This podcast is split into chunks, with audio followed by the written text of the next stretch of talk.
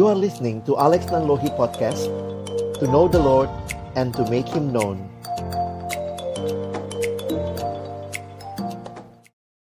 Mari kita berdoa sebelum membaca merenungkan firman Tuhan. Kami bersyukur kepadamu Tuhan. Malam ini kami boleh datang Menyampaikan ucapan syukur permohonan kami kepadamu Dan juga tiba waktunya bagi kami untuk membuka firman-Mu. Kami mohon ya Tuhan, ketika kami membuka firman-Mu, bukalah juga hati kami.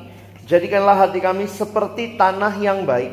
Supaya ketika benih firman Tuhan ditaburkan, itu boleh sungguh-sungguh berakar, bertumbuh, dan juga berbuah nyata di dalam kehidupan kami. Berkati baik hambamu yang menyampaikan, dan setiap kami yang mendengarkan. Tuhan tolonglah kami semua agar kami bukan hanya menjadi pendengar-pendengar firman yang setia, tapi mampukan dengan kuasa dari rohmu yang kudus, kami dimampukan menjadi pelaku-pelaku firmanmu di dalam kehidupan kami. Bersabdalah ya Tuhan kami umatmu sedia mendengarnya di dalam satu nama yang kudus, nama yang berkuasa, nama Tuhan kami Yesus Kristus kami menyerahkan pemberitaan firman-Mu. Amin. Shalom. Selamat malam Bapak Ibu Saudara yang dikasihi Tuhan. Kita bersyukur buat kesempatan seperti ini yang Tuhan terus berikan bagi kita. Saya selalu mengingat satu kalimat yang mengatakan bahwa gereja yang maju bukanlah gereja yang maju dengan berlari, tetapi gereja yang maju dengan bertelut, berlutut, berdoa di hadapan Tuhan. Karena itu biarlah tradisi doa seperti ini bukan cuma rutinitas tapi menjadi satu gairah kita sebagai gereja yang mau dipakai Tuhan terus di dalam dunia ini. Malam ini kita akan melihat bagian firman Tuhan di dalam Injil Matius pasal yang ke-13. Kita akan melihat di dalam ayat 44 sampai ayat 46. Jadi Matius pasalnya yang ke-13 kita akan melihat di dalam ayat yang ke-44 sampai dengan ayat yang ke-46. Mari kita bersama-sama membaca tiga ayat ini, ya. Hanya tiga ayat kita baca bersama. Satu dua, ya. Hal kerajaan sorga itu seumpama harta yang terpendam di ladang yang ditemukan orang lalu dipendamkannya lagi. Oleh sebab sukacitanya, pergilah ia menjual seluruh miliknya, lalu membeli ladang itu. Demikian pula hal kerajaan sorga itu, seumpama seorang pedagang yang mencari mutiara yang indah. Setelah ditemukannya mutiara yang sangat berharga, ia pun pergi menjual seluruh miliknya, lalu membeli mutiara itu. Nah, saudara yang dikasihi Tuhan, saya ingin mengajak kita melihat sebentar bahwa ternyata yang menarik sepertiga pengajaran Yesus itu dalam bentuk perumpamaan. Kata perumpamaan dalam bahasa Yunani di dalam istilah yang dipakai parabole. Apa yang dimaksud dalam bahasa Inggris menjadi parable? Parabole itu artinya dari dua kata, kata para dan kata balo. Balo itu berarti dilemparkan. Jadi balo itu melempar atau dilemparkan, para itu di samping. Misalnya para medis ya itu orang-orang ya para medis bukan dokternya tapi yang mendampingi medisnya. Ada lembaga-lembaga yang kita kenal sebagai para church, lembaga yang di samping gereja, mendampingi gereja. Jadi kata para boleh atau para uh, balo itu artinya ada sesuatu yang dilemparkan atau ditaruh di samping sesuatu untuk menjelaskan hal itu. Jadi kalau mungkin begini ya, ketika saya mau menjelaskan tentang Alkitab ini, saya pakai parable. Ini parable-nya. Ini saya taruh di sampingnya untuk menjelaskan ini. Sehingga parable tidak pernah berhenti pada dirinya sendiri. Tetapi parable sebagaimana Tujuannya adalah diberikan untuk menegaskan apa yang sedang dijelaskan. Jadi, parable itu membuat apa yang sedang dijelaskan itu semakin jelas semakin dipahami. Itulah tujuannya parable. Nah, apa yang menarik kalau kita perhatikan sepertiga pengajaran Yesus isinya parable dan perumpamaan-perumpamaan yang Yesus sampaikan Bapak Ibu sekalian itu adalah perumpamaan-perumpamaan yang berbicara tentang kerajaan surga. Jadi kalau kita mau pahami, kita mau ingat bahwa sebenarnya ini lagi menjelaskan kerajaan surga. Jadi perumpamaan itu hanya ditaruh di sampingnya untuk menjelaskan kerajaan surga. Apa itu kerajaan surga? Saya pikir kita mesti belajar dari konsep itu sebentar. Kerajaan surga tentunya bukan bicara kerajaan teritorial, tetapi bicara kehadiran Allah secara penuh memerintah. Kalau boleh pakai pemahaman ini, Injil Matius ditulis untuk orang Yahudi, sehingga terlalu kudus buat mereka menyebut kata Allah. Karena itu, di dalam Injil Matius sendiri, kata yang dipakai adalah kerajaan sorga. Tapi itu sama. Di Injil yang lain digunakan kata kerajaan Allah. Kerajaan Allah, kerajaan sorga itu istilah yang sama.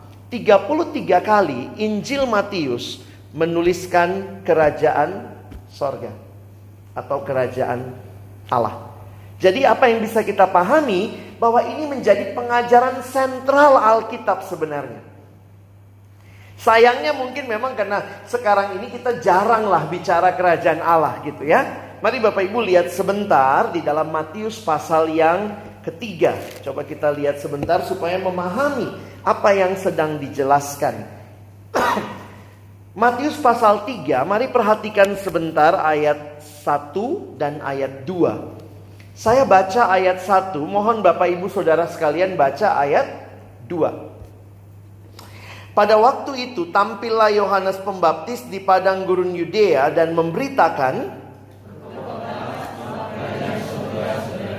Perhatikan istilah yang digunakan, bertobatlah kerajaan sorga sudah dekat. Ini istilah yang digunakan oleh Yohanes Pembaptis. Menariknya istilah yang sama kita lihat sekarang Matius pasal 4.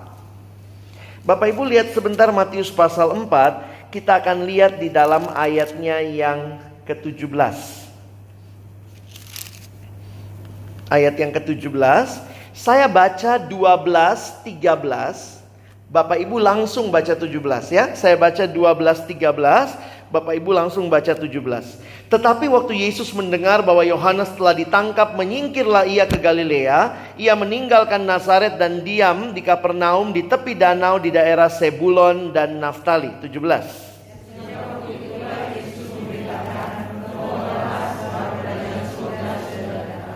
Apa beritanya Yesus?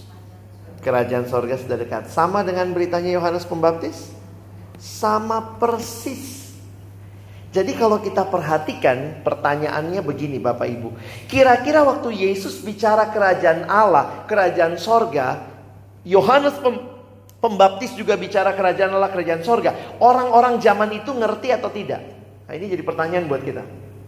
Bayangkan Yesus datang, Lalu Yohanes Pembaptis datang, mereka pesannya begitu, bertobatlah, kerajaan sorga sudah dekat. Pertanyaannya, apakah orang-orang yang mendengar pesan Yesus pada waktu itu mengerti tentang kerajaan Allah? Kalau tidak, ngapain itu berita nggak ada artinya dong. Bertobatlah, atau misalnya saya datang gitu, apa itu? Kalau tidak dimengerti, pasti itu bukan berita yang benar, yang sukacita. Kalau perhatikan itu pasti berita yang dimengerti. Karena itu kita mesti belajar juga memahami apa konsep kerajaan Allah bagi orang Yahudi. Karena ingat, ketika bicara kerajaan Allah, kerajaan sorga sudah dekat, sebenarnya konsep ini berakar di dalam pemahaman orang-orang perjanjian lama. Jadi Yesus tidak bawa misi yang sama sekali baru. His mission is not totally new. Ini adalah continue atau kelanjutan dari misi yang ada di dalam perjanjian lama. Jadi saudara, kalau ditanya secara sederhana, kerajaan Allah itu apa? Mereka ngerti apa tidak? Pasti ngerti. Baca nanti di dalam Injil Lukas, waktu Yohanes bilang bertobatlah kerajaan Allah sudah dekat, mereka bertanya, apa yang harus kami lakukan?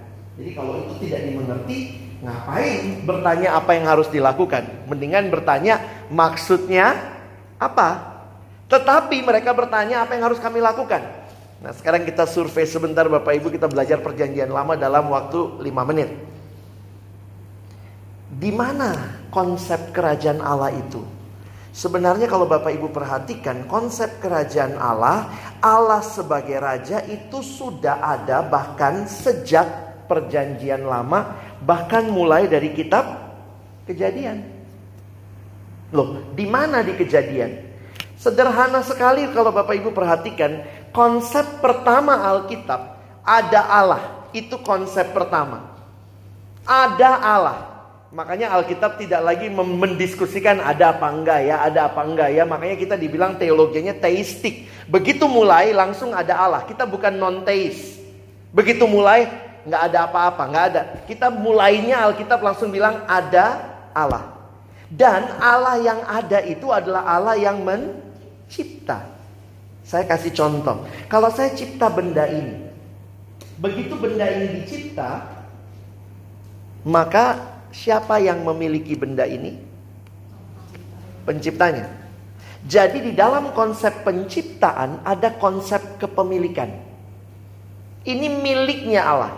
Kalau dicipta oleh Allah maka itu miliknya Allah. Begitu dikatakan Allah menciptakan manusia berarti manusia yang dicipta adalah miliknya Allah. Siapa yang harusnya manusia sembah? Allah. Siapa yang harusnya jadi rajanya manusia? Allah. Jadi konsep paling dasar tentang kerajaan Allah ada seorang raja yang harusnya dia disembah, dipuji karena dia yang menciptakan segala sesuatu itu bahkan sudah sejak kitab kejadian. Karena itu kalau kita perhatikan bagaimana Tuhan sebagai raja memberikan hukum kita lihat memang pada akhirnya dalam perjanjian lama mereka berubah, Allah memilih satu bangsa atau dari satu keturunan Abraham jadi satu bangsa yang besar dan pada waktu itu Allah memerintah mereka. Karena itu di bawah Musa Allah memberikan hukum. Dan konsep itu terus ada sampai setelah Musa digantikan Yosua lalu kemudian mereka mulai masuk ke masa hakim-hakim. Sesudah masa hakim-hakim, kalau Bapak Ibu perhatikan, maka muncullah masa raja-raja. Tapi yang menarik begini, di awal kitab 1 Samuel dituliskan bagaimana Israel komplain sama Tuhan, lalu minta raja. Mereka datang sama Samuel, lalu mereka bilang, "Kami minta raja seperti yang dimiliki bangsa lain." Lalu kemudian Samuel datang sama Tuhan dan Samuel ngadu lah kira-kira kepada Tuhan. Tapi terus Tuhan ngomong gini, ini kalau bahasa anak sekarang ya. Udah Sam, jangan baper. Bukan kamu kok yang mereka tolak, mereka nolak aku. Tuhan mau mengatakan yang ditolak bukan kamu. Aku sebagai raja yang selama ini mereka taati. Israel yang adalah teokrasi Allah yang memerintah. Mereka mau ganti raja. Karena itu Samuel, Tuhan bilang melalui Samuel, ingat, kalau kamu punya raja, perhatikan, raja itu minta apa mesti dikasih. Nanti Bapak Ibu pulang baca dua satu Samuel ya. Kamu raja minta apa mesti dikasih, minta kuda mesti dikasih. Tuhan sudah kasih tahu, ingat loh, punya raja itu konsekuensinya berat. Bahkan tersirat indikasi begini. Kalau nanti rajamu bandel, maka yang kuhukum bukan cuma rajanya, tapi kamu semua. Makanya kalau Bapak Ibu lihat kitab raja-raja, terus itu kalimatnya kan itu. Raja ini memerintah sekian lama tambah jahat, tambah jahat, tambah jahat. Sampai akhirnya mereka harus dibuang. Jadi kalau kita lihat dari teokrasi berubah menjadi monarki. Jadi kerajaan. Begitu jadi kerajaan, maka rajanya makin jahat. Maka Tuhan membuang umatnya ke Babel. Sudah sampai di Babel? Kalau Bapak Ibu lihat, sejak itu Israel tidak punya raja. Jadi ini coba tangkap dulu konsepnya. Punya raja, dibuang, sejak itu nggak punya raja. Di pembuangan nggak ada raja. Kembali dari pembuangan tidak ada raja. Bahkan sampai sebenarnya Yesus lahir waktu mereka dibawa penjajahan Romawi yang namanya Herodes pun itu cuma raja boneka yang diangkat oleh orang Romawi mengepalai orang Yahudi. Jadi dia bukan raja bahkan berkata para penafsir Alkitab mengatakan kemungkinan Herodes bahkan bukan orang Yahudi. Tapi memang dia mengepalai wilayahnya orang Yahudi jadi pengantara. Karena kayaknya Roma itu najis banget gitu ya sama bangsa-bangsa lain. Dia pakai perantaranya adalah Herodes. Jadi Bapak Ibu perhatikan sejak dibuang Israel tidak punya raja. Dan orang Israel Tulen tidak pernah mengakui Herodes raja mereka. Tiba-tiba ada yang bawa pesan begini weh bertobat ya kerajaan Allah sudah dekat. Bapak Ibu bisa nangkep? Saya mau bawa kita dalam sensnya, sekian ratus tahun tidak pernah ada berita itu. Sekarang kerajaan Allah itu sudah dekat. Nah, terjemahan dalam bahasa aslinya memang menarik.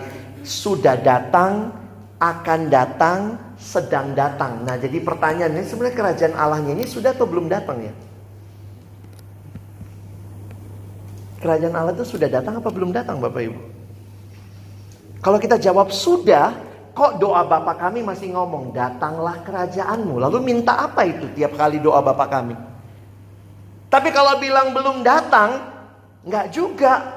Kenapa? Sebuah kerajaan datang itu ditandai datangnya sang raja. Yesus sudah datang? Sang raja sudah datang? Sudah. Terus kenapa kita masih doa? Datanglah karena kita menanti penggenapannya. Makanya di dalam teologi kita disebut sebagai already but not yet. Sudah datang sudah. Kita ke orang Kristen gitu ya. Udah hidup kekal belum kita? Coba Yohanes 17 ayat 3. Coba lihat dulu Yohanes 17 ayat 3. Ini sudah hidup kekal atau belum ya Bapak Ibu ya? Yohanes 17 ayat 3. Yuk kita baca sama-sama. Satu, dua, ya.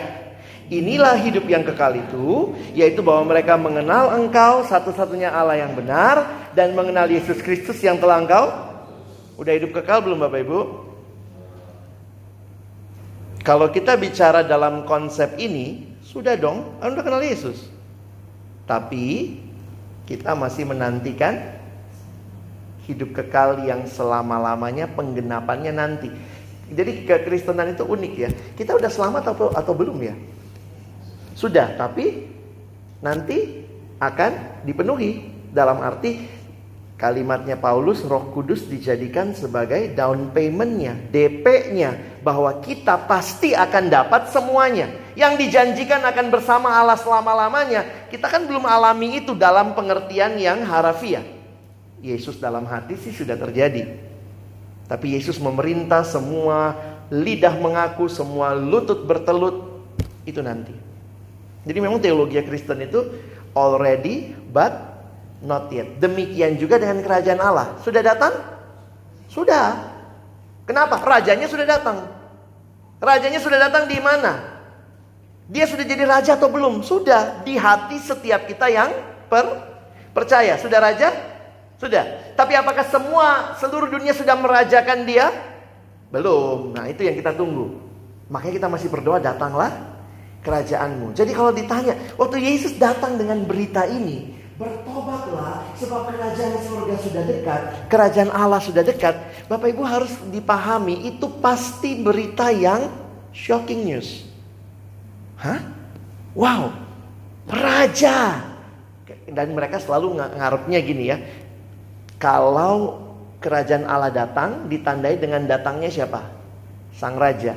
Dan uniknya masa itu Bapak Ibu, kalau ada raja mau datang maka ada yang datang duluan. Ngecekin tempat. Semua jalan yang mau dilalui raja harus diratakan supaya nggak kesandung dan segala macam. Nah itulah tugasnya Yohanes Pembaptis. Dan Yohanes Pembaptis menunjuk kepada Yesus. Dia lebih berkuasa dari aku membuka tali kasutnya pun aku tidak layak. Jadi sebenarnya kalau kita lihat ceritanya, inilah yang selama ini mereka nantikan. Mesias itu di konsep mereka adalah dari keturunan Daud yang akan meng, meng, apa ya, memutarbalikkan semua kerajaan Romawi. Kenapa konsep ini penting? Karena sebenarnya pengajaran inti Alkitab kita dari awal sampai akhir adalah kerajaan Allah. Allah datang mendirikan kerajaannya, makanya dia cipta semua. Lalu terjadi pemberontakan dalam kerajaan itu. Dan Allah hukum mereka. Tapi Allah tidak hanya menghukum, Allah memulihkan. Karena itu Alkitab punya istilah kedua. Ada dua istilah besar di Alkitab Bapak Ibu. Pertama istilah penciptaan. Yang kedua istilah penebusan. Coba lihat konsep tebus. Ini konsep dagang. Kalau ada sebuah benda terjual, tergadai, apa artinya menebus? kita bayarkan uang atau kita tukar sama barang supaya benda itu kembali jadi milik. Di dalam konsep penciptaan dan konsep penebusan, dua-duanya punya konsep kepemilikan. Dua-duanya punya konsep kerajaan. Bagaimana Tuhan Yesus menebus kita dari dosa supaya kita kembali merajakan dia di dalam hidup kita. Menjadikan dia satu-satunya raja. Dan dia bukan hanya berjanji akan memerintah nanti itu sebagai penggenapan. Tapi sekarang sudah mulai. Di mana? Di hidup kita. Jadi kalau Bapak Ibu perhatikan konsep Alkitab tentang kerajaan Allah, saya pikir gereja harus lebih serius mengajarkan kerajaan Allah, bukan cuma keselamatan. Karena kalau kita lihat cerita besarnya, keselamatan itu adalah bagian dari kerajaan Allah. Bagaimana Allah mendirikan kerajaannya? Ditebus kita yang udah jatuh dalam dosa. Dikembalikan jadi miliknya supaya waktu kita miliknya kita hanya bisa merajakan dia. Karena itu Bapak Ibu Yesus bangkit ya. Habis bangkit dia naik ke surga. Dari bangkit sampai naik ke surga berapa lama waktunya? 40 hari. Kita lihat Kisah Rasul 1 ayat 3. Kisah Rasul 1 ayat 3. Saya bacakan buat kita kepada mereka, maksudnya rasul-rasul, murid-muridnya, ia menunjukkan dirinya setelah penderitaannya selesai dan dengan banyak tanda ia membuktikan bahwa ia hidup. Sebab selama 40 hari ia berulang-ulang menampakkan diri dan berbicara kepada mereka tentang kerajaan Allah. Gereja mesti serius belajar kerajaan Allah. Kenapa? Yesus itu dari awal visi misinya apa? Bertobat. Kerajaan Allah sudah dekat. Pengajarannya semuanya tentang kerajaan Allah. Waktu sudah bangkit, masih ada di dunia, kuliah umumnya apa? Kerajaan Allah. Apa sih kerajaan Allah? Allah memerintah sebagai raja. Karena itu kalau Bapak Ibu perhatikan, pengajaran kerajaan Allah di dalam ilustrasi atau perumpamaan-perumpamaan Yesus secara sederhana cuma dua. Setiap kali Yesus bicara kerajaan Allah itu seperti, nah itu perumpamaan. Ada dua hal. Pertama, biasanya dia bicara tentang rajanya. Jadi Yesus lagi mau menjelaskan rajanya yang pegang kerajaan Allah itu, rajanya itu seperti ini. Makanya uh, kerajaan Allah itu seperti, nah kalau sepertinya menunjuk ke orang, maka itu sedang bicara rajanya.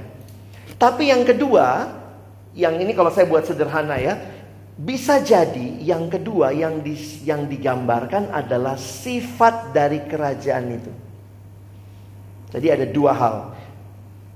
Parable of the kingdom itu bisa tentang the king or the kingdom. Rajanya atau kerajaannya. Supaya waktu kita ngerti dua hal ini Bapak Ibu itu jadi indah sekali. Karena waktu bicara rajanya di situlah tercermin sifat sang raja, belas kasihan sang raja. Tapi juga ada kemungkinan bicara tentang kerajaannya. Siapa yang ada dalam kerajaan itu? Bagaimana hidupnya dalam kerajaan itu? Bagaimana seharusnya mensikapi kerajaan itu? Nah itu paling jelas memang di Injil Matius. Karena memang Matius itu memang fokusnya kepada kerajaan. Makanya Matius mencatat yang datang waktu Yesus itu adalah orang-orang dari orang Majus dari timur itu datangnya juga ke istana karena mereka mencari sang raja. Nah, Bapak Ibu lihat sebentar, saya kasih contoh ya. Kira-kira kalau Matius 25 ini tentang apa ya? Kita biasa kan ngomong ya Matius 25 ayat yang ke 14. Ini Yesus lagi ngajarin apa Bapak Ibu? Kita suka bilang Yesus ngajarin talenta ya. Benar Yesus ngajarin talenta? Dia lagi ngajarin kerajaan surga. Coba lihat. Sebab hal kerajaan surga sama seperti seorang yang mau bepergian. Berarti ini lagi bicara apa?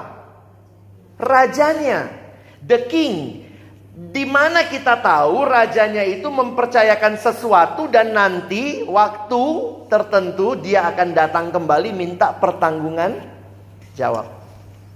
Jadi sebenarnya kalau kita menghayati ini ya nggak masalah sih bicara talentanya, tapi fokus Yesus waktu ngajarin ingat kerajaan surga itu seperti raja yang lagi pergi atau seperti seseorang yang lagi pergi dia percayakan lalu dia pasti balik lagi. Karena itu ini adalah perumpamaan tentang raja. Kerajaan Allah fokus kepada rajanya. Oke, sebenarnya sampai situ Bapak Ibu udah bisa nafsir sendiri ya. Daripada saya khotbahin panjang-panjang. Matius 13 tadi tentang apanya? Coba lihat Matius 13 ayat 44 dan sampai 46. Kalau Bapak Ibu lihat dalam Alkitab cetak itu dua perumpamaan. Tapi dua-duanya lagi menjelaskan kerajaan sorga. Pertama, hal kerajaan sorga itu seumpama harta yang terpendam. Jadi ini kira-kira tentang apanya? Kerajaannya, sifat dari kerajaannya. Kenapa dia pakai harta yang terpendam? Ini bahasa Inggris menggunakan hidden treasure.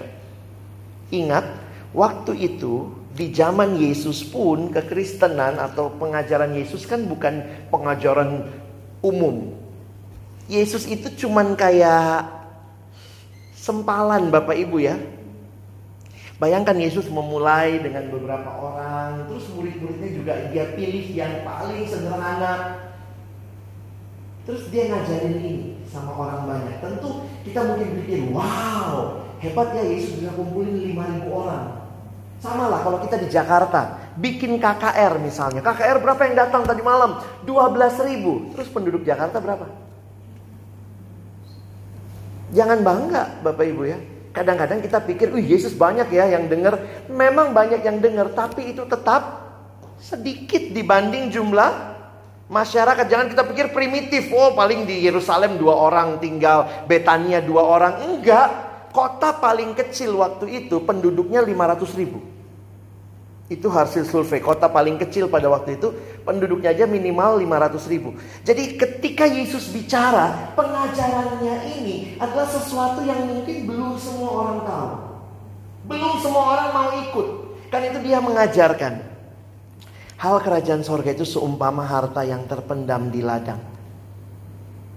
Jadi mungkin ada ada penafsir yang bilang, kenapa dia pakai harta yang terpendam? Mungkin Yesus mau bilang begini, kamu tuh mungkin nggak bisa bayangkan kerajaanku itu nanti kalau datang segimana indahnya.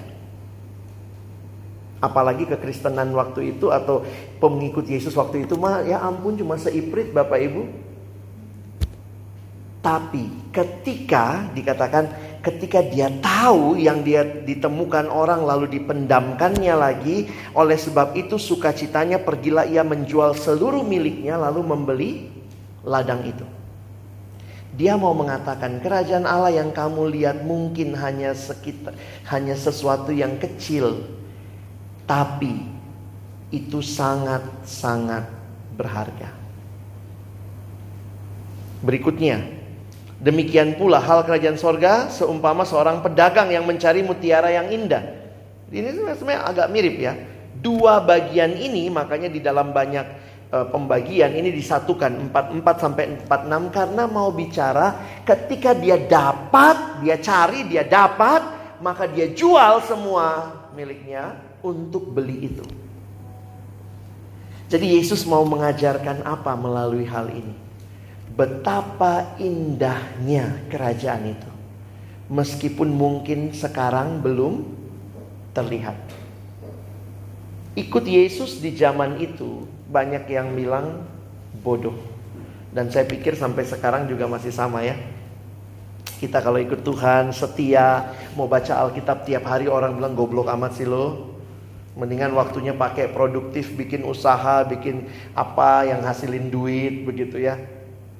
Tapi waktu saya merenungkan ini, saya nggak tahu seberapa banyak dari kita yang memang melihat kekristenan itu rajanya, kerajaannya itu sangat-sangat mulia.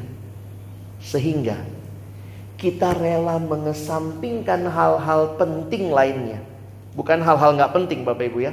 Kalau kita ngesampingin hal-hal yang nggak penting, ya memang karena itu nggak penting. Ini karena ini penting, tapi ada yang jauh lebih utama, sehingga kita rela menyingkirkan itu.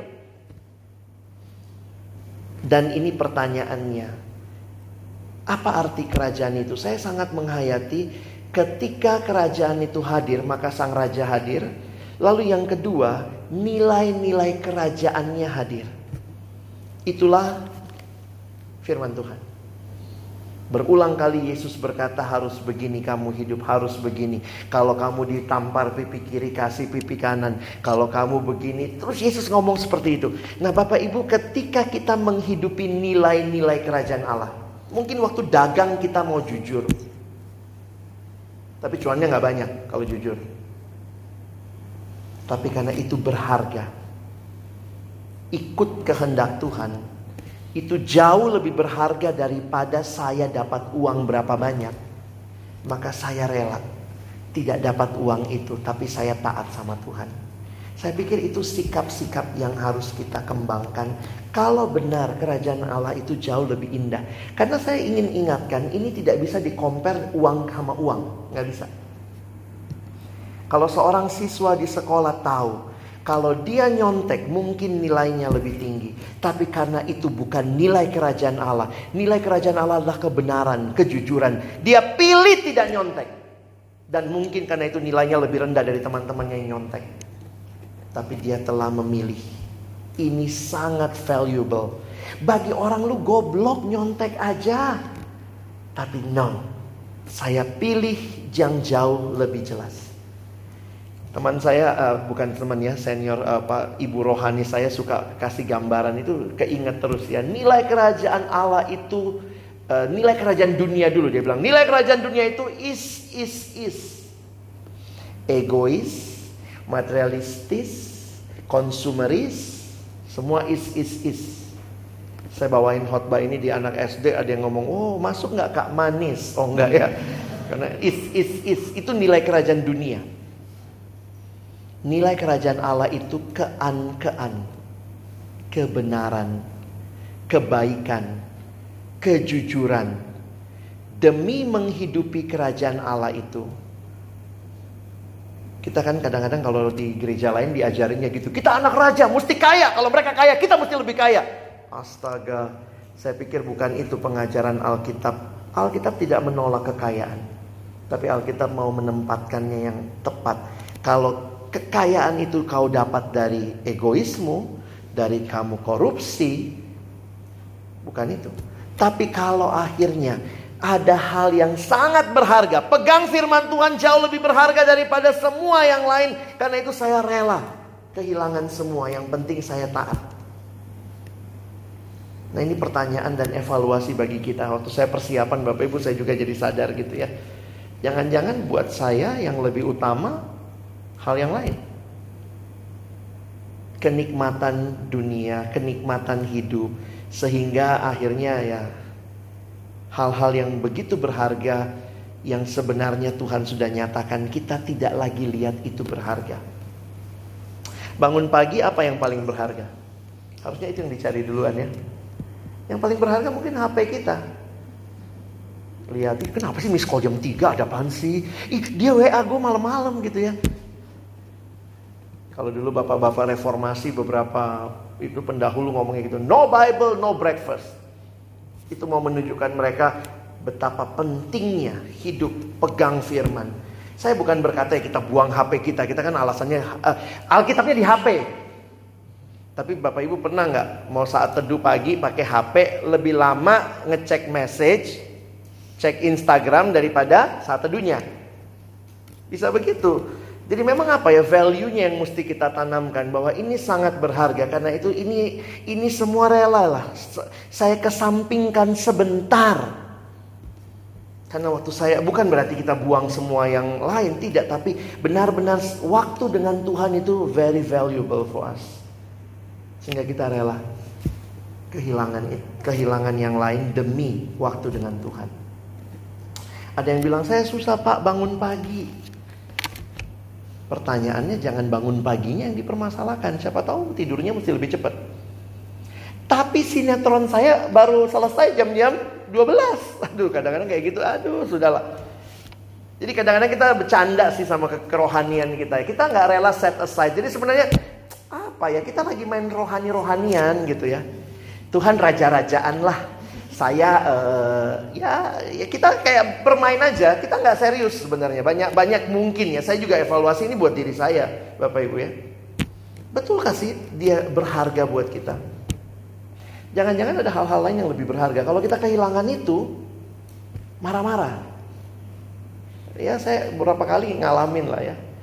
Udah jalan nih, separuh jalan mau ke kantor, inget HP lupa. Balik tuh. Tapi kalau lupa saat teduh, balik nggak ya? Ke rumah ya? Aduh pak, udahlah saat teduh di jalan lah sambil denger gitu. Jadi kadang-kadang itu itu menunjukkan gitu. Jadi jangan lihat tindakannya dulu, tapi tindakan itu bisa jadi keluar dari penghayatan. Ini penting apa tidak? Kita akan sangat uring-uringan nggak ketika belum saat teduh, belum baca Alkitab, belum berdoa, atau kita sangat uring-uringan ketika wifi mati, colokan nggak ada, itu kayaknya disaster banget bagi generasi ini. Kenapa? Itu sangat valuable. Jadi mungkin kita kebalik ya perumpamannya. Kita jual Yesus demi semua yang asik buat kita. Kenapa Yesusnya kurang asik sih?